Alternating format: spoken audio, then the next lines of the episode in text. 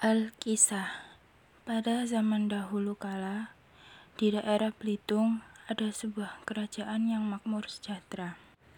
Tetapi di tengah kemakmuran dan kesejahteraan tersebut terjadilah sebuah peristiwa menggemparkan yang membuat malu seisi kerajaan, terutama sang raja. Peristiwa tersebut adalah hamilnya putri raja yang disebabkan karena berhubungan intim dengan anjing kesayangan sendiri. Akibatnya, dia pun diusir dari kerajaan untuk menghilangkan malu sekaligus aib kerajaan. Setelah diusir sambil membawa perbekalan secukupnya, sang putri bersama anjing kesayangannya pergi menuju hutan belantara yang jauh dari kerajaan. Beberapa bulan kemudian, lahirlah seorang bayi laki-laki, namun tidak seperti bayi pada umumnya. Bayi hasil hubungan manusia dengan ekor seekor anjing ini memiliki perawakan yang aneh, yaitu sekujur tubuhnya dipenuhi bulu serta berekor layaknya seekor anjing. Anak ini dipelihara dengan penuh kasih sayang. Semenjak bayi hingga beranjak dewasa, dia selalu diajak oleh orang tuanya, sang putri, dan anjing kesayangannya. Berburu binatang hutan, menangkap ikan sungai, serta mencari segala macam tumbuhan yang dapat dikonsumsi sebagai makanan. Maklum, semenjak diusir dari istana, persediaan makanan yang diberikan hanya cukup untuk beberapa minggu saja. Selanjutnya, mereka harus mencari makan sendiri, hanya yang bertumpu pada kemurahan alam hutan. Suatu hari, karena merasa sudah cukup ahli, si anak berekor pergi berburu seorang diri. Di suatu tempat, dia berjumpa dengan sepasang burung-burung yang sedang memberi makanan anaknya. Awalnya, dia akan memanah kedua induk burung tersebut, namun dia mengurungkan niat karena melihat keharmonisan rumah tangga burung kutilang itu. Walau harus mencari serangga jauh dari sarang, induk kutilang tetap mencari dan memberi makan anak-anaknya dengan penuh kasih sayang. Mereka tidak menghiraukan kalau perut sendiri belum terisi makanan. Ketika kembali ke rumah, si anak berekor segera menceritakan keluarga burung kutilang yang dilihat tadinya. Di akhir cerita, si anak berekor mengajukan sebuah pertanyaan yang sangat mengejutkan ibundanya. Dia bertanya, di manakah ayah berada? Dia beranggapan kalau binatang kecil burung kutilang saja membentuk sebuah keluarga yang terdiri dari ayah, ibu, dan anak-anaknya. Dalam pikirannya tentu dia juga memiliki seorang ibu dan juga ayah, tetapi selama ini yang dilihatnya hanyalah ibu dan anjing kesayangannya ibunya saja. Terkejut dengan pertanyaan anaknya, sang ibu tidak mau menceritakan kejadian yang sebenarnya. Dia hanya mengatakan bahwa ayah si anak berekor tidak ada. Tetapi jawaban tersebut sangat tidak memuaskan si anak. Dia terus saja mendesak dan bahkan saking kesalnya malah mengancam akan menggunakan kekerasan apabila tidak mendapatkan keterangan yang sesungguhnya. Takut akan ancaman si anak berekor yang memiliki tubuh besar, kuat, dan kekar, akhirnya sang ibu pun menjawab bahwa ayahnya adalah anjing yang selama ini tinggal bersama mereka. Anjing itu bernama Tumang. Pantas saja anjing ini selalu berada tidak jauh dari mereka, dan bersikap seakan selalu menjaga dan melindungi. Mendengar jawaban sang ibu, kini giliran si anak berekor yang terkejut setengah mati. Dia tidak menyangka dan sekaligus tidak percaya kalau ayahnya adalah seekor anjing. Dengan sangat marah, dalam sekejap mata, dia langsung menangkap Tumang yang sedang berdiri di samping ibundanya. Tubuh Tumang lalu diangkat tinggi dan dijatuhkan dengan sangat keras ke tanah. Akibatnya, tulang tengkorak kepala Tumang pecah dan dia pun mati seketika. Anjing kesayangan yang sekaligus ayah dari si anak berekor itu telah mati di tangan anaknya sendiri. Bangkainya kemudian dibawa ke sungai untuk dihanyutkan.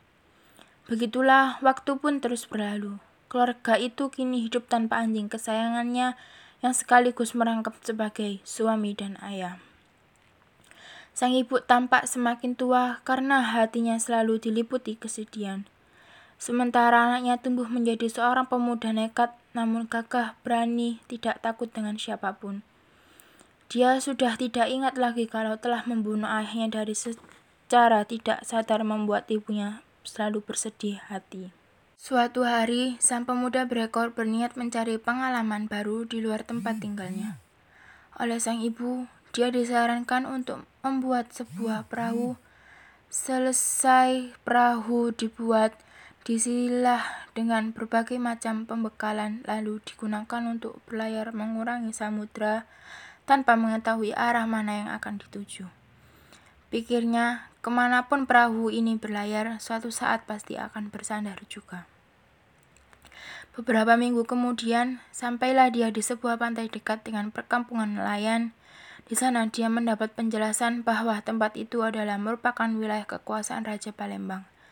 Kagum akan kehebatan Raja Palembang, si pemuda berekor segera mendatangi istananya. Maksudnya, adalah untuk mengajukan diri menjadi raja, juga agar dapat memperoleh kekuasaan seperti Raja Palembang. Ternyata ajuan itu disetujui oleh Raja Palembang, asalkan si pemuda berekor memerintah di daerahnya, asalnya sendiri, dan daerah tersebut nantinya menjadi taklukan Raja Palembang.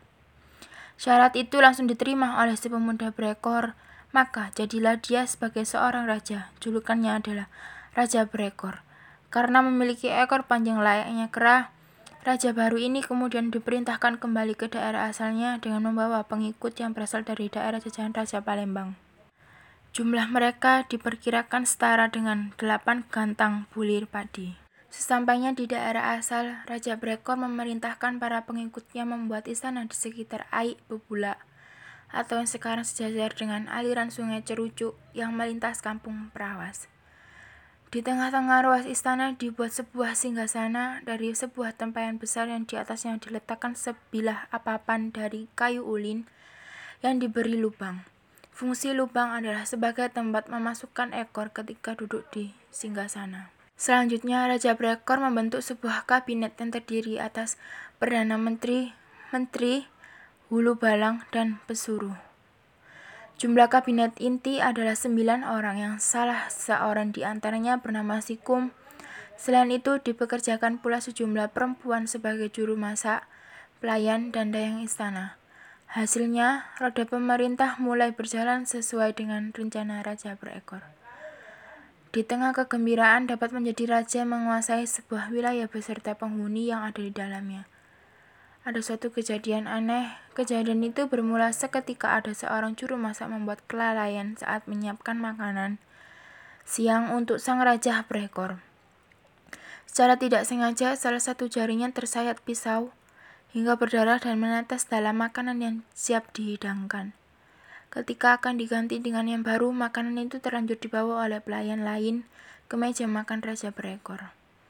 Sang raja yang tidak mengetahui langsung saja menyantap makanan itu dengan lahap, bahkan sangat lahap karena dia merasa belum pernah memakan masakan yang selezat itu. Usai makan, Raja berekor langsung memanggil Perdana Menterinya untuk mencari dan membawa orang yang meracik makanannya. Singkat cerita, dengan tubuh gemetar dan wajah pucat, pasti juru masak menghadap sang raja berekor dia lalu menceritakan seluruh kejadian tentang masakan yang dihidangkan pada sang raja berekor pada hari itu. Dia juga bersedia menerima hukuman karena melakukan kelalaian hingga makanan tercampur dengan darahnya. Tanpa dinyana, bukannya marah, Raja Berekor malah terbahak-bahak. Dia mengatakan pada juru masak kalau makanan yang dihidangkan adalah makanan paling lezat yang pernah dia rasakan. Darah manusia yang secara tidak sengaja tercampur dalam masakan ternyata membuatnya lebih sedap dan nikmat. Pikir Raja Berekor, mungkin akan sangat nikmat apabila daging manusia juga ikut dijadikan sebagai makanan. Tidak berapa lama kemudian Raja Berekor menyuruh si juru masak pergi, lalu memanggil lagi Perdana Menteri. Setelah Perdana Menteri menghadap Raja Berekor, memerintahkannya untuk mencari manusia sehat jasmaninya. Apabila tertangkap, mereka akan dijadikan tawanan. Untuk selanjutnya, suatu persatu dikorbankan sebagai santapan sang raja berekor. Awalnya Perdana Menteri menolak perintah tersebut. Selama hidup dia tidak pernah melihat dan bahkan mendengar kalau daging manusia dijadikan sebagai makanan. Tetapi karena sang raja berekor memperlihatkan kemurkaannya, mau tidak mau Perdana Menteri menurutinya, walau dalam hati tidak sependapat. Korban pertama adalah orang yang dianggap paling bersalah, yaitu si juru masak. Apabila dia tidak ceroboh, maka Raja Brekor tidak akan mungkin terbit selera untuk memakan daging manusia. Sejak saat itu, ada saja rakyat yang dikorbankan setiap harinya sebagai santapan Raja Brekor. Mereka dapat berasal dari kalangan kanak-kanak remaja, orang dewasa, orang tua, laki-laki, perempuan, bergantung dari selera sang Raja Brekor. Jumlah korbannya dapat satu hingga tiga orang dalam sehari.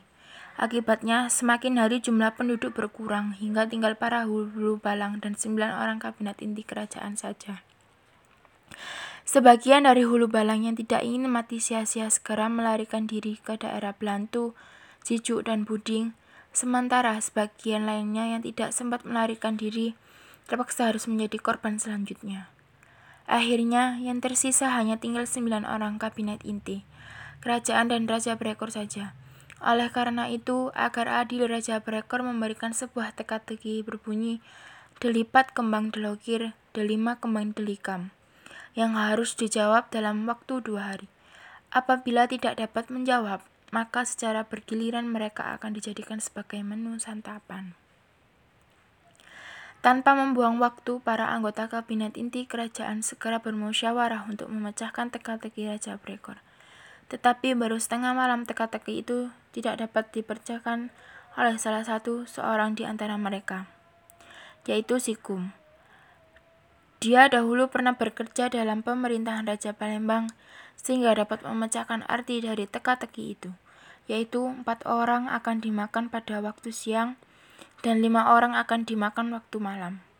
Tetapi mereka berubah pikiran seketika Sikum mengutarakan pendapat untuk menghukum mati Raja Brekor. Adapun caranya tidak langsung berhadapan mengadu kekuatan, karena walau bersembilan rasanya tidak mungkin untuk mengalahkan Raja Brekor yang sangat kuat, bengis, dan kejam.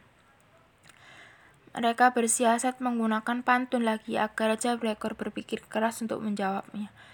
Saat Raja berpikir keras tersebut, tentu kewaspadaannya akan menurun sehingga kemungkinan besar akan kalah ketika nanti diserang secara tiba-tiba menggunakan dua buah alu sakti yang dahulu ikut dibawa dari daerah kekuasaan Raja Palembang. Kayu ini dinamakan simpor laki, yang konon dapat dijadikan sebagai penangkal binatang buas yang hidup di hutan. Dua hari kemudian tibalah masanya untuk menjawab teka-teki Raja Brekor. Saat menghadap dua orang di antara mereka membawa alu dan bukan tombak sebagaimana biasanya. Selanjutnya, Perdana Menteri menjawab teka-teki Raja Brekor dengan berpantun. Sebelum Raja Brekor sempat mencerna seluruh isi pantun tersebut, Sikum mengucapkan sebuah pantun lagi yang membuatnya bertambah bingung. Dan di saat Raja Brekor bingung, itulah serentak mereka melancarkan serangan. Lima orang memegangi ekornya, dengan sisanya yang memukul kepalanya dengan alu dan ada pula yang menusuk badannya dengan tombak. Akibatnya tubuh kekar itu langsung tersungkur bersimbah darah mayatnya kemudian dibawa dan dihanyutkan ke sungai.